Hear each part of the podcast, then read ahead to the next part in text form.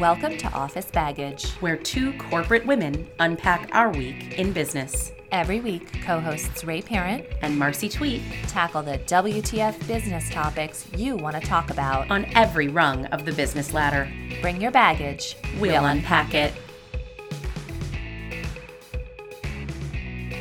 Hey, Ray. Hey, Marcy. Welcome back. Feels like we were just here. It does. We're not batch recording these episodes or anything. Not even a little bit. No, we talk to each other and do this every week. well, we are going to talk about a a swear-worthy topic today that will turn anyone into an angry, angry person. Um, I was a I was a dirty pirate through the entire process. it's great. So it's interesting because while we were recording our former or previous episodes while we were in school, there were times, I think less so for you, but certainly for me, where I was interviewing. And when you're gainfully employed, you know, best not go on a podcast and talk about your interviews. So it's a really unique situation that you and I are both in right now that we can tell our listeners about our job search processes. Yours has completed and you've gotten into another place, and mine is ongoing. And I think hopefully our experiences can inform our listeners' experiences, and if anything, show them that we are all in this horrible shitstorm of job search together. I will say that it is definitely a humbling process. It is. And full of highs and lows.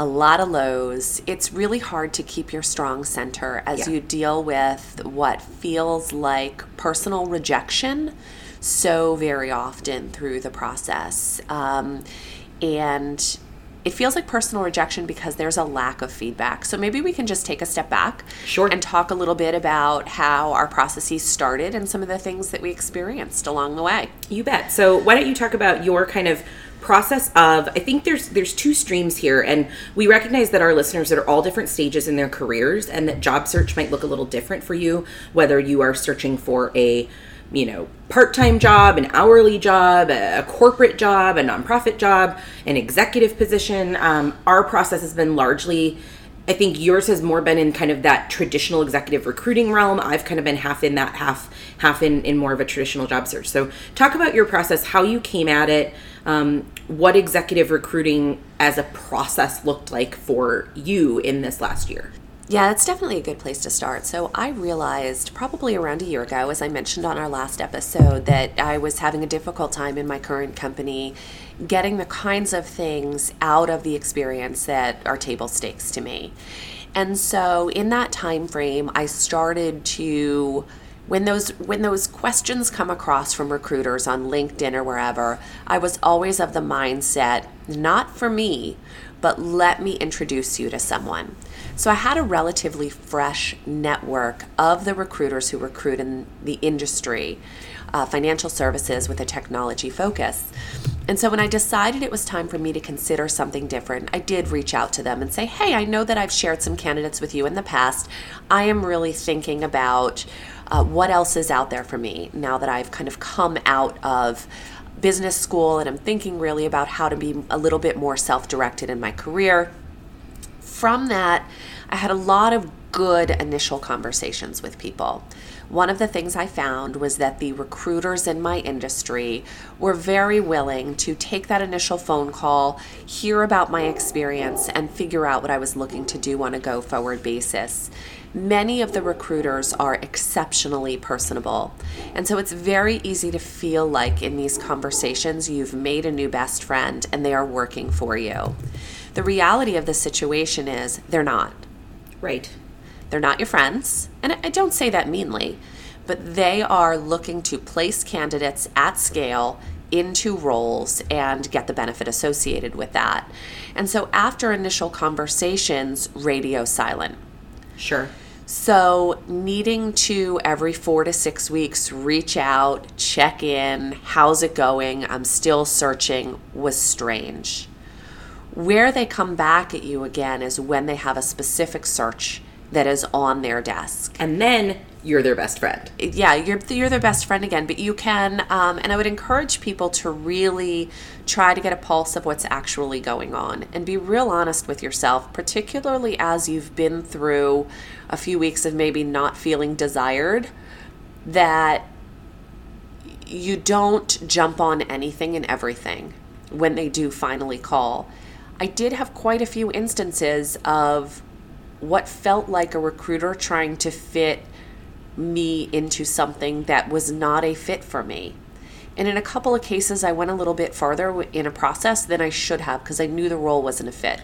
That said, there are times where you really want to stay in a process, even though you know you might not take the job. And I think you've had some of those experiences as well. I have. I think that's an important tactic. So, especially for women, and I hate that this is the truth, but there are going to be times when a recruiter is filling out a I don't know what they call it, right? A, a, portfolio of candidates that they're going to present to their client, and they need a woman and a person of color. And that might mean, for me, what that sometimes mean means is that I get thrown in on jobs that I might not be exactly the right fit for or exactly qualified for because they want to show that they have a diverse profile. Now, some people would be of the belief that you should not allow a recruiter to toss your hat in that ring. I disagree. I think allow a recruiter to put you in their portfolio and put you in that that group of candidates they send to a client because hopefully that will one endear you to the recruiter They'll be glad that you're willing to go through this process. Two, if you do get the opportunity to interview, even if it's a 30 minute phone interview, good practice, do it. And three, you might at the end of the day be able to network with that client and with the recruiter a little bit better. I had an instance, I was um, recruited for a nonprofit CEO job, and I certainly will consider some nonprofit CEO jobs. I grew up in nonprofit, even though I've been corporate as of late, and ultimately that's that's probably where I'm I'm centering my search the most. I am certainly interested in some nonprofit CEO jobs when I heard about the job, had the first conversation with the recruiter, I kind of knew it wasn't my job, and I think she kind of knew it wasn't my job. But the people who were involved in the nonprofit who were hiring the job, both on the staff level, they had an interim CEO at the time, and on the board level, were people that I peripherally knew but didn't know well. And I thought, well, it's a great opportunity to potentially get to know these people.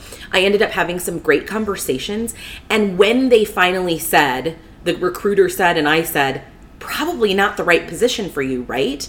What I said back to the recruiter is, would it be okay if I reached out to the interim CEO and had a conversation with her about what I'm searching for? She's now become a mentor and a, a, friend of mine who's helping me in my search. So see the recruiting process as much as a networking process as you can as a job searching process, and I think that will really help. I want to anchor back to two things you said because there was a lot in there. One of them was around seeing something that you look at and you feel like you might not be qualified. I think our regular office baggage caveat applies here of pressure test that with someone first. Right. Because we do often tend to believe we're not qualified for something because there's one or two things in that job spec that are a stretch. So you do want to know yourself and pressure test whether it's your own biases against yourself that are telling you you're not qualified, or whether you truly are not qualified and being put forward as effectively some form of diversity candidate, be that because we happen to be female or people of color or um, because they're looking for a candidate with radically different perspective. Right. Which is some of the some of the uh, uh, conversations that i found myself in. And sometimes it's something stupid like don't assume that the person who knows everything about what this job is wrote the job description. Yes. So I had one recently where the job description, it was a head of corporate responsibility job for a large corporation and it was asking for 20 plus years of experience in corporate responsibility. Now if you can find somebody, there are people out there, there are companies that have been doing CR for 20 years, good for them, right? Very few people in this field have 20 years of experience. It just isn't a thing. And so I read it, and what I read between the lines when I first read that job description was they want someone with, they want someone over 50. That's what I read. They want someone with a lot of gray in their hair. And for whatever reason, that might be something that a company is looking for, whether they feel they're executives won't trust or or give this sort of autonomy to someone in their 30s or 40s, whatever that might be. I reached out to someone inside the company that I knew and I said, just like proof point this to me. Should I even toss my hat in this ring 20 years of experience in corporate responsibility? And he said, You know, honestly, I think that's just probably our HR team at that level always puts 20 plus. And so you don't know who wrote that job description. Is it somebody who knows what you're coming into or it's someone who isn't? So when we as women take ourselves out of a process because of a bullet on the job description, we're doing ourselves a massive disservice. Recruiting in the tech space, when I see job descriptions come across that say something like 20 years of experience and then right after it career deep in cloud architecture i'm like oh boy um, the cloud has not existed for 20 years it, and it's it's a very challenging conversation to get in uh, with recruiters so sometimes you do need to um, move your way through the first couple of rounds of process to really get into a conversation with someone who knows, to your point, exactly what that job is. The second thing that I want to come back to, and this is something I actually feel quite passionate about, you will have people reach out to you for things that are stretches. And you've you've used your network you've had honest conversations with yourself you understand it's a stretch.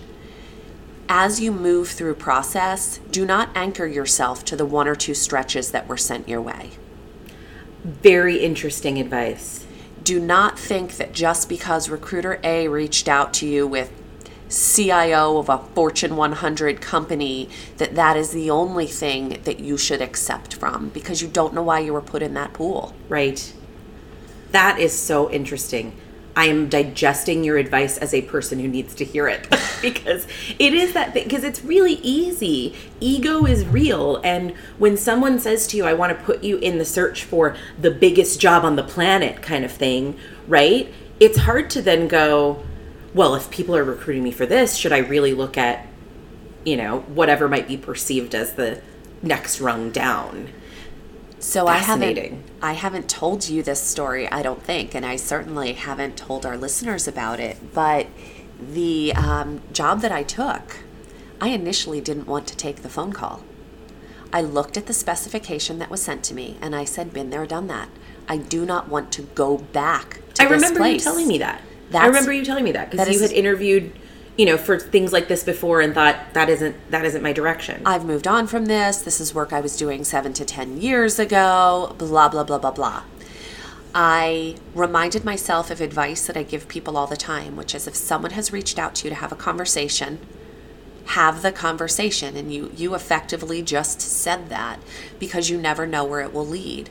I Google searched the woman who was hiring for this position, and she's an incredible boss and just across the board, boss lady chops.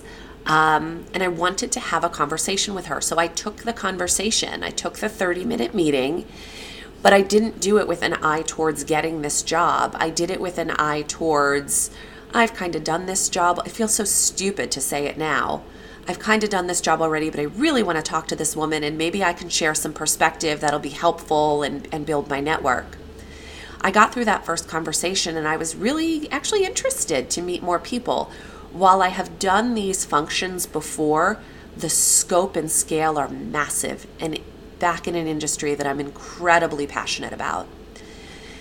And I just look back and I'm so grateful that I had the first couple of conversations and didn't blow them off because 55 plus days in, if I had to write the perfect job for me, this would be it. it's fantastic. And it is a little hard to walk away from a title that everybody understands, like CIO. But the reality is, I was miserable. And I was miserable because I couldn't lead with the values that were very important to me. And so, um, yeah, take, having that brave moment of taking that conversation and being willing to walk away from a massive title into a title where people are like, what is that again? Well, and I think that's the, the the lesson in that is always take the call. You know, always be willing to have that conversation and don't judge a book by its cover. As much as we as job searchers don't want someone to look at our resume and go, "Yep" or "Nope." right? Don't look at the job description and say yep or nope. Because what wasn't written on that paper in the job that description that they sent you are all the things that you are so excited about and you love. You never know. Um, I want to nuts and bolts this for people for a second because I think um, one of the things I hear there's this loyalty gene in so many of us that feels like I shouldn't be open. And it's interesting that you said at the beginning of this discussion that you would get the emails, the LinkedIn references from a recruiter, and even if you weren't interested, you would refer someone else. Big, huge thing. LinkedIn is a powerful, powerful platform. And whether you use it a lot or you use it a little, go in your settings. Un- it's under your, click on your picture in the top right corner of LinkedIn, go to settings and privacies, and there is an opportunity that says job seeking preferences. And you can say, let recruiters know your opportunity, you're open to opportunities. Turn that to yes, even if you really think to yourself, I'm never going to leave this job. Because you want that recruiters can see when you have a recruiter profile on LinkedIn, you can see if someone has that open or not in some cases, and you can go through that and you will get more recruiters coming to you on LinkedIn than you won't if you have that open. And it's good to have, even if you're not actively searching. That is excellent advice. So You mentioned, I just want to Yeah. kind of go back to that a little bit. Before we relaunched uh, a couple days ago, I went back and I re listened to some of our stuff. And one of the, it just kind of what popped up. And so I mentioned yesterday, Fat Chick and the Token Jew popped up. And then the other one that popped up was Burnout or Top Out. yes, And you made a point in there that the company can't love you back. it cannot. The company cannot love you back. So the loyalty that we feel, and I felt a ton of loyalty to my prior employer, even though the temperature of the water there was changing, even though there were things that I didn't feel resonated with my center anymore. They were very good to me for a very long time. So leaving after all of the experience I, I had been given, inclusive of that executive MBA and the grace to pursue that, felt really really hard. And I you do have to come back to that. No, I'm in it for me and you're in it for you in the recruiting process as well.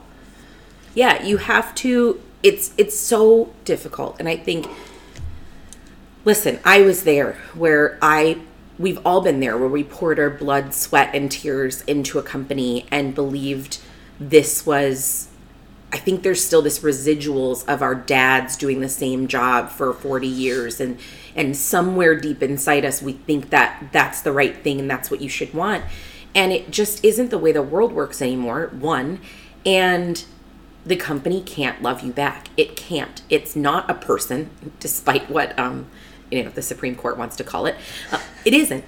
It can't love you back, and you can't be in love with a company, and it can't be in love with you, and vice versa on teams. You can love your team, you can love your boss, you can love your staff, but they are not your best friends. They are not your family. Leaving them will be difficult you will take some relationships with you you will leave some relationships behind one of the most difficult saddest and really devastating things of the last year for me has been which relationships from my former employer stayed and which relationships left and i have been surprised by the people who have continued to stay with me and who I still call friends in some cases. In some cases, I haven't. But in other cases, people that I thought would be my friends for life have been completely unresponsive to me when I left.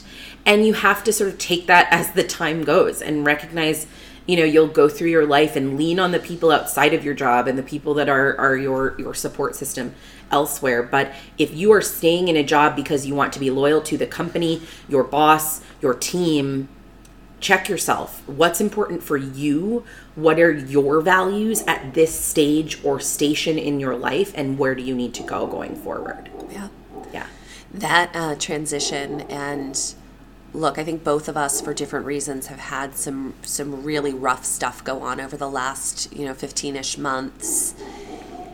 One of the absolute hardest things is realizing that maybe you had people in the wrong categories or compartments.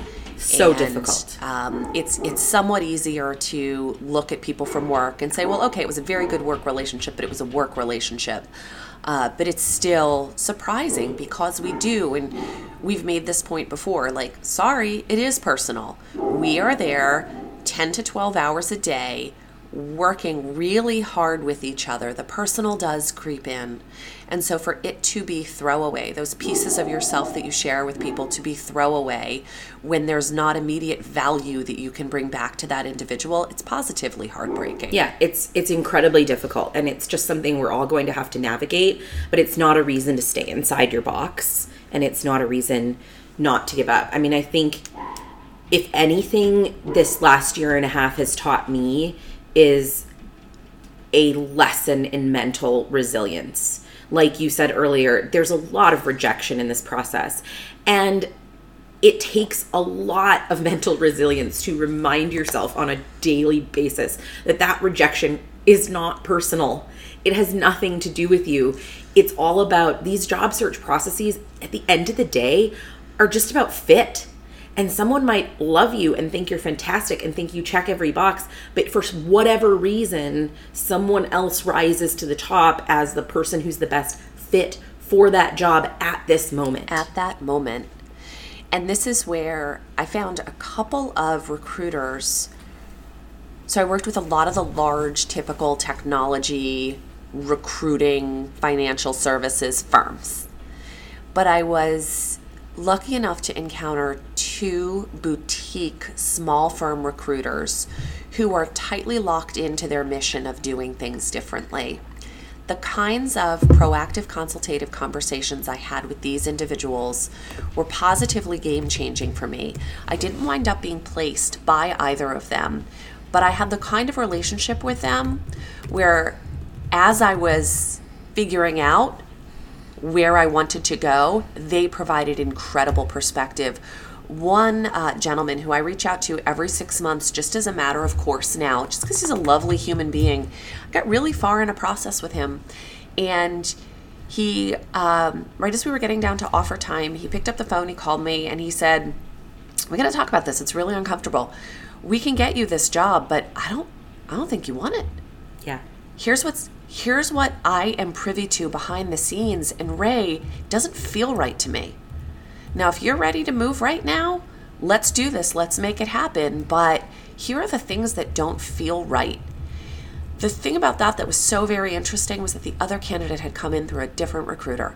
Yeah. So he was, in order to make the right fit, have lifelong kind of placement relationship with me and with this company, he advised me to not take the role. And that was so very differentiating and refreshing. So for me, it was a recruiter who had kind of inside information that helped. But I also have, you know, one or two friends through the process who were really able to say, why exactly are you doing this? Why Right. this one? Is this the right one for you? Or are you really just moving to move? Those friends who will have those hard conversations with you, be they uh, work friends or personal friends or what have you, are they make you uncomfortable, but they're desperately necessary through this process. Well, and that's been a huge lesson for me. So one of my my longtime mentors, friends, um, a woman named Mary Blagan, uh, executive vice president uh, for human resources employee engagement at U.S. Bank. Um, she was a board member on an organization that I worked at when I was very young, Women Venture, and has stayed with me throughout my career. Just one of those best people. The best piece of advice, and she's given it to me 20 times, is don't get excited because someone's excited about you. And that is a very difficult thing to do. Yes. When someone is jazzed about it, and an recruiter, a recruiter's job is to be jazzed about you.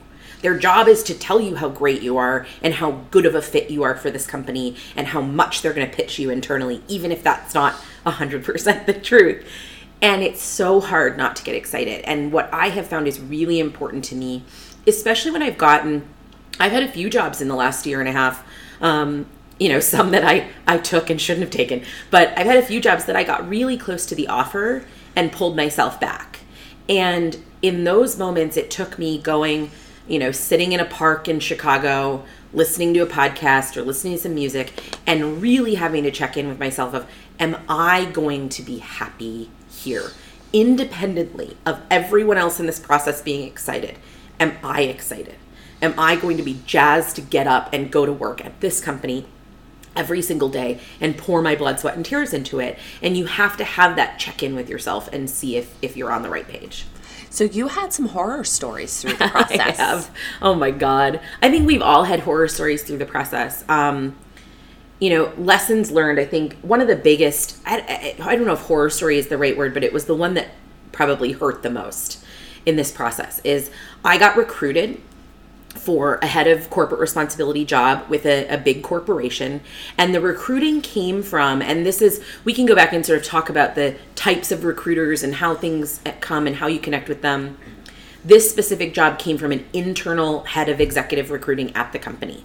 She reached out to me, said, I think you're perfect for this role. Can we talk? Said, absolutely. I got so excited. I dove in. I did all the research. I, I was so excited for this job. I prepped for the interview. Um, I probably over prepped for the interview. I had what I perceived to be a great call with this recruiter. We had a nice rapport. Everything was terrific. Um, she admittedly, and I think she would even say this, didn't know a lot about the job or the field. And this is the trade off with internal recruiters versus external recruiters, right? So, this is an internal recruiter at a big company that on a daily basis is probably recruiting for communications, HR, engineering, medical, whatever those might look like, you know, and didn't know a ton about the job, but I still thought we had a great conversation. I thought I was going through. She didn't even put me through to have a conversation with the hiring manager. And it was devastating for me because I think you take those moments where it's like, wait a minute, you called me. Like that, that was the first thing. We're like, I didn't apply for this damn job. Like, you assholes called me. And you're not even going to let me talk to the hiring manager? It makes no sense to me. And those are the moments where you just rack your brain, right? Just why why did this you know happen?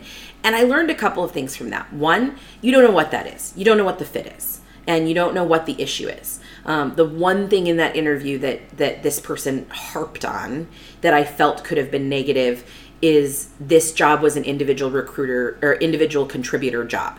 It was a brand new position. It didn't have a team yet, and she seemed a little concerned that I had had in the world of corporate responsibility a fairly good sized team in my last role.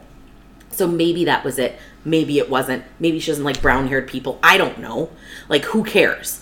Um, but what I would have done differently in that process is thinking about if you want a job, if I'm if I find a job on LinkedIn and I'm going to go after that job. I'm going to talk to five different people who know about that company. I'm going to network in. I'm going to try to get myself in front of the hiring manager in that instance, when the recruiter reached out to me, I didn't do any of those things because in my mind, I was already in, right? I was already in the process. So my hat was already in the ring. We have a friend from Kellogg's German cohort who works in the company who I didn't reach out to in the process because I thought, well, I'm already in.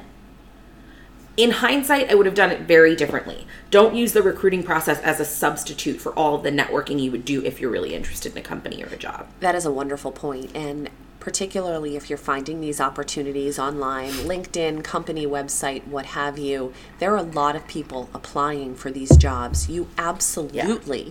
need to have someone else pass your resume and a recommendation along. I wound up going very far in a process for a company in Boston but only after my resume sat in queue for like six months.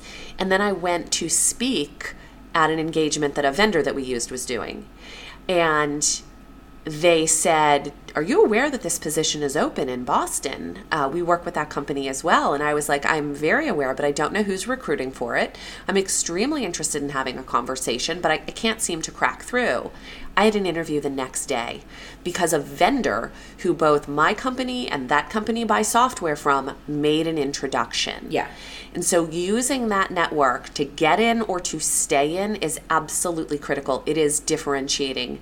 a lot of times our younger listeners have a lot of coaching conversations with our younger millennials and even to a certain extent our Gen Zers who have said, I want to be able to do it on my own. I don't want help. That's not a thing. Don't do that. You that's what networks exist for. Yeah. Oh, absolutely. The someone I forget who said it. It's a but someone once said the only difference between the person who gets the job and the person who doesn't get the job is that they're willing to come in the back door instead of the front. And if all you're doing is walking through um, the doors that are open to you, you won't get very far in your career. Now, there's something to be said with walk through the doors that are open to you, test them out, see what works. But if you really want something, you've got to go through the back door and you've got to be willing to ask for those introductions and, and go through those processes and network your way into that job because that's generally how jobs get closed and that's how you meet recruiters. So let's go back to that topic because this is a question that I feel like gets asked all the time. Um, at Kellogg, we were introduced to this platform called Blue Steps, which I don't know if you've used at all. I used a ton. I've used a ton. I've never heard of it. That's so funny. Um, it's executive recruiting platform called Blue Steps. They do. Um, we all Kellogg people get a free membership. I'm not plugging them, but that's the truth. Um, get a free membership to Blue Steps. They do great executive um, recruiting webinars. I just listened to a webinar a couple weeks ago on how to get on a board. Like they do some really great content. Um, but one of the things that gets asked of them, and they do the most amount of content out is how do I find recruiters that are recruiting in my field? How do I get in touch with sort of the big dogs, right? Like Heidrick and Struggles and, and Korn Ferry and some of these huge executive recruiting firms. How do I find the right people? So, how did you find those people in your search in your field? And I'll talk a little bit about how I found mine as well. I have some very good mentors who have since retired and who have done very large searches or been placed in C level positions in big financial services companies. So being able to reach out to them and then have them make introductions into the Heidrick and Struggles and the Spencer Stuarts and the Korn Ferries and the Russell Reynolds. So that resulted in 10 to 15 good phone conversations. So that was step one. Step two was just, or the other way that, that this things came about was people, recruiters need to have a live search going on. So the initial conversations are very friendly and they get you into some database somewhere. One thing that really surprised me was the lack of sharing of information across some of these large firms. Very true. The lack of a file on me that talked about internally for those recruiters conversations had, things that they've put me forward for, why they were or were not a fit. I could talk to two separate recruiters from a firm, one based in Boston, one based in New York. They had no idea. They had no in that firm 360 degree view of me, and I was shocked by that. Yeah. It's interesting. So I think the first step you're taking too is to ask the question when you're finding those recruiters does that recruiting firm? So especially with the big dogs when you talk about Heidrick and Spencer Stuart and Korn Ferry and Russell Reynolds do they have a department that handles your kind of world right? So is there a practice at Spencer Stuart for CIO Absolutely. There's a practice for finance. There's a practice for executive. There's a practice for operations. And oftentimes those practices need to intersect but might not. Right. So there will be a CIO lane and there'll be a financial services lane, and you have to figure out who are the two partners to work the intersection. Yeah. So if you're in a field that has a traditional practice in these big firms, it's easier to network in because you can find those people who are part of that practice. You can get in their orbit. You can have those 15 minute conversations of here's what I'm looking for. Let's make sure we stay connected. I work in a field that generally does not have a practice. Like Korn Ferry does not have a, a corporate social responsibility practice. It probably lives. Somebody from Korn Ferry is going to call me and say, "Yes, we do," um, and, and, maybe you do. I love them, but Look, if that's the phone call we get, I'm okay with it. it. That's fine. If somebody, if a corporate responsibility recruiter at Korn Ferry is mad at me right now, give me a call. We'll talk. it's going to be fine.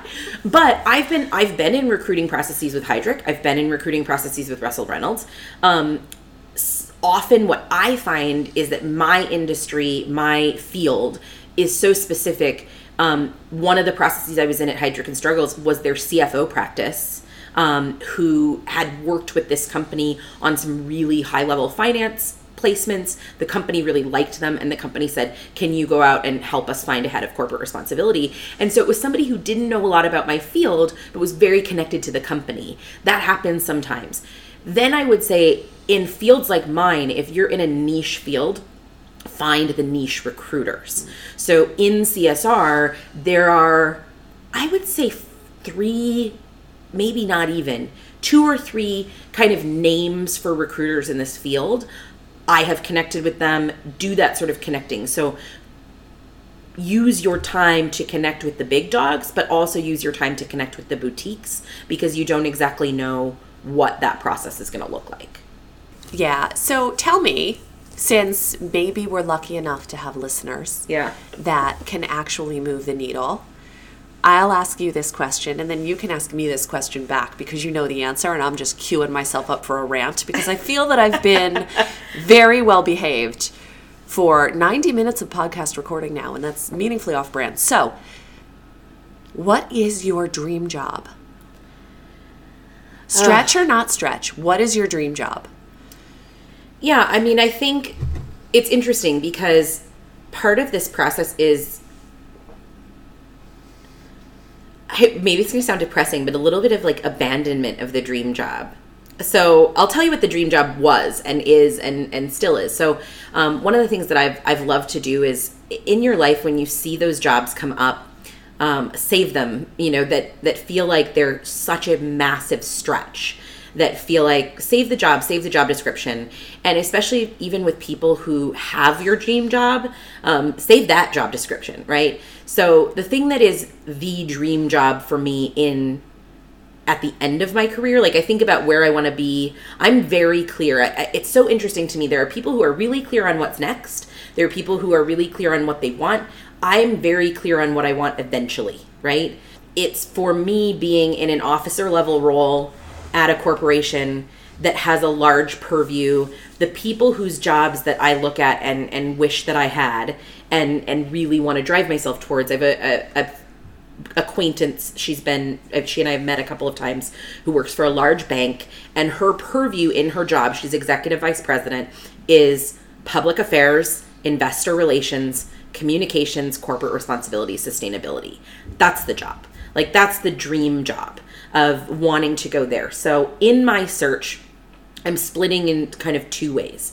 One I have been a, a, a you know regional director of a, a major corporate responsibility department the next step for me is is either continuing in a larger company as a, a major director of a corporate responsibility department or going to head of corporate responsibility um, and when i say corporate responsibility it encompasses sustainability esg that whole sort of world um, the other thing that I've been actively looking at is investor relations roles that are close to this environmental, social, governance, finance world.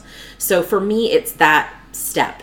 What's become more important to me than the dream job is two things. And my litmus test for jobs today is build and lead. I want to build something. If someone is hiring a status quo leader, we've already got a great program, we want you to come in and run it.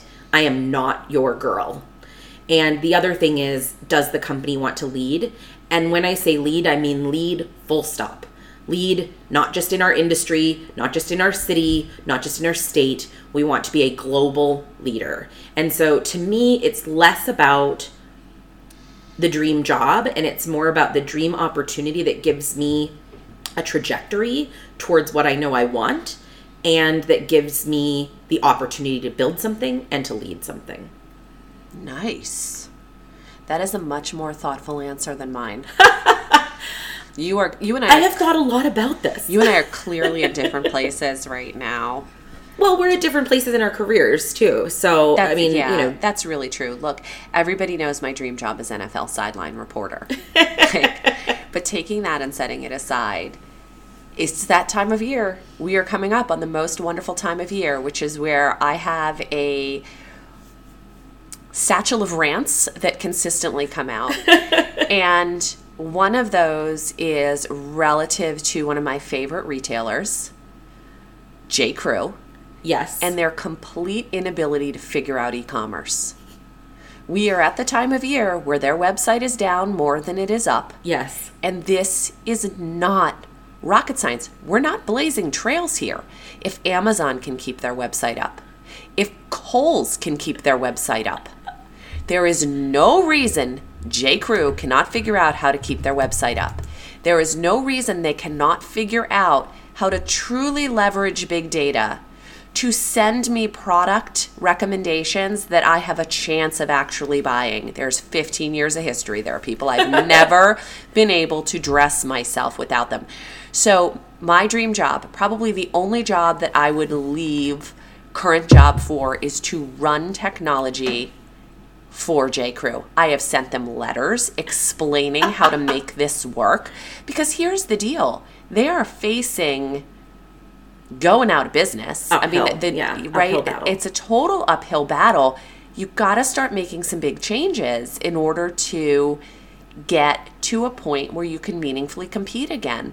Obviously, I can't opine on choices stylistically, but when it comes to nuts and bolts, get your act together, technology and operations shits, that is my sweet spot. I could make a difference. Please hire me because I cannot dress myself. I cannot do it without you. And if your boss is listening, don't hire her now. She's perfectly happy. I'm totally happy But a few but years yeah. from now. but J. Crew, come on calling. Come on. Well, you and I were having a conversation over breakfast this morning, which was really not breakfast. It was just me drinking coffee directly out of the coffee pot. I think I might have shared some of it about the things that large companies can learn from smaller companies. Oh, absolutely. I love, um, especially in the corporate responsibility space, and it's um, a place I'm actively centering my job search. I love the Fortune 500, would love to work for a Fortune 500 company, but I think some really cool innovation in my space is coming out of um, small and and not necessarily small companies, but companies that are either immediately following IPO or are kind of aiming towards the Fortune 500 and know that they're going to get there, and recognizing the kind of expectations that their customers and stakeholders are going to have for them. Yes. And I think those companies are changing the game and we are going to see over the next 10 years in a just general business sense some big big companies get knocked out of the S&P 500 by competitor small players who get it right every time. In our conversation this morning I talked to you about a company that I ordered some clothes from that is a big name company that totally flubbed the return process. And I look at people like we talk, you know, I love MM Lafleur. I'm wearing their sweater right now. Beautiful. Like MM Lafleur and Part and Parcel and Co-Edition and even Nord big companies, Nordstrom, who get this process right. They get returns right. They get customer service right. I am much more likely to buy from them than I am to buy from this big name company that I ordered some coats from because they hassled me, right? It's such a difficult process. And it's like, I don't want to go through that. It just make it easy. I'm in the process now of trying to get this house furnished. And uh, yeah, I know. It's so hard. I It's- don't know. Oh. And so I do I love I have a I have a pottery barn aesthetic, which is difficult in this house, but it's fine. I can figure out how to make it work. Um, but every time I order from Pottery Barn, which is frequent, I say I'm never ordering from Pottery Barn again. Bedroom furniture Yeah. ordered and I paid for six months ago. I'm still missing two pieces and I'm being told, eh, maybe January. We have the technology for this. Knowing that half of my bedroom furniture wouldn't be showing up for six months would have influenced my purchasing decision. Yeah. It's I just don't get why this is hard. right? It's just that's the frustrating thing is and I, I will bring this back. I'm going to bring this back to our topic. Oh, okay, sorry. No, but it's uh, we can talk about whatever. But um, the thing to me that frustrates me, and the frustration we're talking about with with consumer based companies, is why is this so difficult for you when other people can get it right? Like there's a new furniture company called Joybird, right? That does mm. the like you can watch your couch get made or whatever all the way through. Why can't Pottery Barn figure that shit out? It's not important to them. It's not. You're right. It's not important to them. Yeah. I call it the Mercedes dealer approach to customer service. Mm-hmm. The customer wants, I, I wanted this Pottery Barn bedroom set, and I wanted the Pottery Barn table that's in my dining room right now, and I'm somewhat willing, and it's hard to articulate, I'm somewhat willing to be treated poorly To get it. get it. And So strange. hearing those words, because that's effectively what my actions are accretive to. Yeah. Uh, hearing those words come out of my mouth is preposterous, but it's true. I'm, I'm voting with my dollars. So here's my you brought it back to our topic because that feels like what the job search process is too. See how I did that? I want this job. I want to work for this company and I am willing to let a head of HR or an HR manager or whoever that is treat me like shit to get it. Yeah. Why that's the part that just makes it just melts my butter. Like why why are we willing to be treated like crap to, you know, lay ourselves down at the foot of a company? It's just frustrating. And it I have had some processes that have done the opposite that have been so wonderfully human that you're like, "Oh, this is what it's supposed to feel like. Thank you. I appreciate it." So I wound up landing. I still have, by the way, no idea how the company that I am currently working for got my resume. So funny. I have no idea. It was I, I, ha- I have no idea. I think it was I attended a CIO, uh, Next Generation CIO Academy with a large consulting firm. Okay. And I think they handed my resume off knowing that this company was struggling to find the right candidate in search. Uh, I think that's how it happened. I don't know. Um, so that's really interesting. And, but one of the things that has been so cool is the way they treated me through the hiring process, understanding the relocation and what that meant at the time of year that I was contemplating it. So I accepted the job on July like 22nd or 23rd. And I had to have my family down here by the end of August so that my kids could have a full school year the amount of service that that company brought to bear to make sure that it went as smoothly as possible so that I could show up ready to do my job the day after kids started school is mind blowing. And it just creates such an incredibly strong foundation of loyalty between me and this organization. Right. And you you know this. I'll tell the story because I feel like I'm due for a funny story that involves some profanity. My role had been open in and out. They've been they've been kind of in and out of filling this role for 5 years. And three or four candidates had come through, performed the role for a while and kind of moved on either within the company or outside of the company. And the last full-time person in this role left over 8 months ago and they really needed to get it filled. The person working in an interim capacity was doing a lovely job. She's still on the team, but they were really trying to get it filled, really wanted to get it filled. So I was getting a little bit of pressure of when can you get here, when can you get here, but appropriate pressure. We are three days before getting in our cars and coming down here. And Luke, my son, comes down the stairs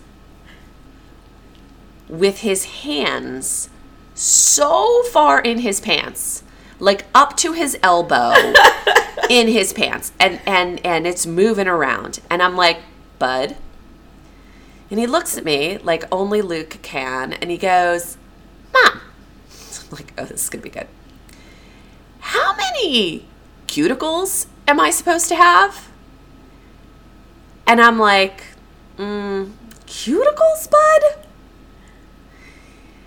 and he goes, Yeah, you know, like balls, nuts. and look, we've actually talked about this on the podcast before that my kids consistently confuse cuticles and testicles. Like, because we That's talked about hilarious. when Maya wanted to get a manicure because her testicles were a mess. Oh my god, I do remember that. Right? Yes. So, anyway, so Luke's like, How nuts, mom? Balls. How many? And I was like, Uh, two, dude. And he's like, But some people have more? And I'm like, yeah, No, uh uh-uh. uh. they are kind of like arms. Two. Yeah. What's going on? And he's like, I got at least three in here, maybe four, and one of them's really big. Poor Luke. And I'm like, okay. And you have that moment where your heart just kind of Yeah. drops because I don't know what's going on. Of course, I go to WebMD, uh, which, according to WebMD, both my son and I have been dead since like 1624. That's normal. Yeah. So thankfully, we have the normal pediatrician appointment coming up, which everybody who has kids knows this. Like, this is the time of year where we go to the pediatrician and get all these bullshit forms filled out. So, long story short, the kid has a massive inguinal hernia. Massive. Kid has like three to four inches of intestine where intestine shouldn't be. Now, we're in the doctor's office and everybody is looking at this kid. The um, pediatrician who was in the office that day was fresh out of med school, female Dr. Megan. And Dr. Luke is on the table looking at me. Dr. Megan is behind him looking at me. Oh my God. So Dr. Megan cannot see Luke's face. And Luke looks at me and he's like, mouths, I'm not telling her. And I just kind of shrugged. I'm like, yes, you are. He's like, I'm not doing it. Like, yes, you are.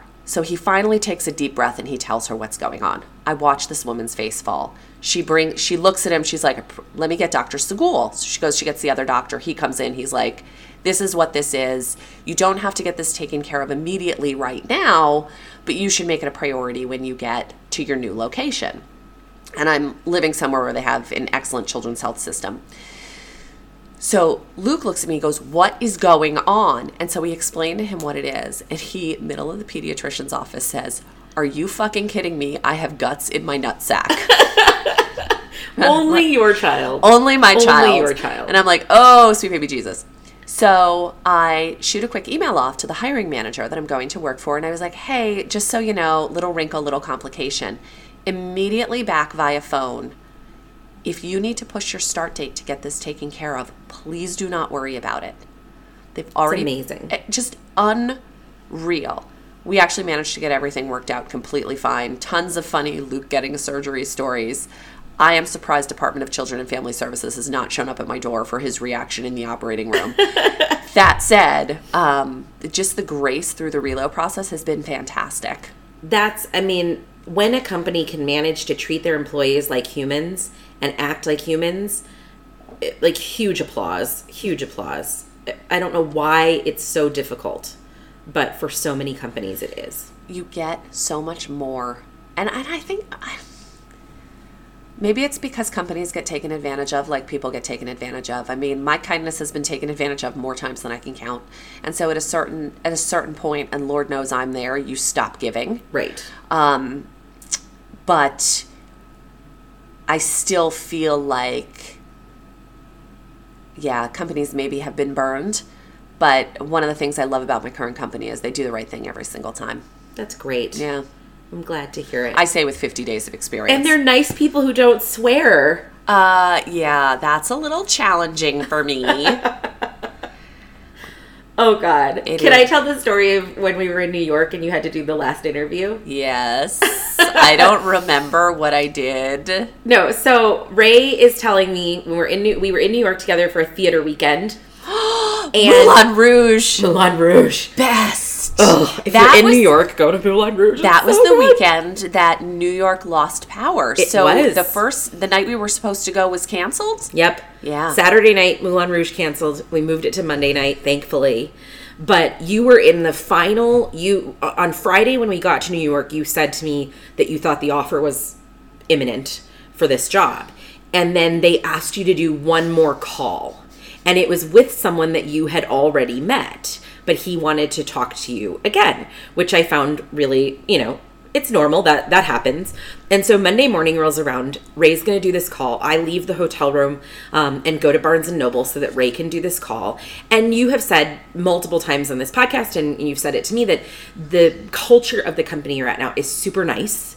They don't swear. They're very kind. They do the right thing, right? And so, of course, um, as big of a bitch as you are, you were really nice through this process and you put on your best you know your interview person right? You, you're a different person when you interview it. You're, you're a better version of yourself and a calmer version of yourself and all of those things. And i got back to you came and met me at, at barnes and noble and i said how did it go? And you were like marcy you were never going to believe the concern this man had about me. And i said what? And he told you that he really thought you were great but this company is very nice and has a very kind culture and he wanted to make sure that you had i believe the word that he used was teeth that you had the teeth to really, you know, get in and get this done and that you weren't too nice. My response to which was, Do you want him to call me and explain how not nice you are? But I just loved it. Nobody has ever in their life ever said that you were too nice. I know, right? That's so mean. I'm I- such a mean person. No, could I You're drive? so nice. I, look, I am. I am. Yeah, I'm. I'm. Either, I'm all in and very nice, or I'm all the fuck out. yeah. Um. So yeah, And don't worry, she has the teeth. Uh, yeah. the moment on the call where I was like, "Oh, that's that's interesting feedback." Um, I think I just hallucinated. What? Let me share some examples of difficult situations that I've had to organize and direct uh, that have been a little bit uncomfortable. Like So funny. when what I wanted to say was, "Oh, bitch, please, let's talk." I know, but it's that's that's the lesson, right? Right. You show up, and some of the things that you think are your strengths, someone else sees as, as a potential weakness, and you just don't know. So Yeah. it, it takes the time. It- I think it's great that he brought it up and talked Yeah. to you about it. that that in, that individual is an incredible incredible incredible leader.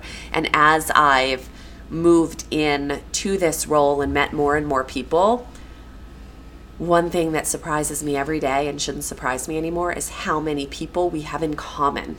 Yeah, um, my old company is a customer of this new company, so there's a little bit of that, but it's more like paths have crossed in professional relationships before. So I'll get a lot of, cool. do you know so and so? And it's like, oh my goodness, I do. Weird. Yeah. Yeah. Really neat stuff. Oh, that's awesome. I love it. Well, I am so glad that you have landed in a, a role that you love and a company that you are excited about. and I am so glad that you are taking the time to find the right fit for you Yes. because that's hard. I know. It's like trying on jeans. takes forever. Hurts your heart. Hurts your soul. Thank God for leggings. never want to do it again. No, it's um I know I'll get there and and I I think I said this on the last podcast. I'm so lucky to have the privilege of picking up some consulting projects and doing some really cool work while I'm in this transition and, and process. So would love to hear our, our listeners continued questions about the job search. We're happy to do a more directed um, Q&A if that's helpful for people. So email us, uh, send us some messages on LinkedIn, and, and we'll talk more about our search and executive recruiting if that feels helpful. Um, but hopefully this was a, a fun episode for you to listen to in our second episode of season three.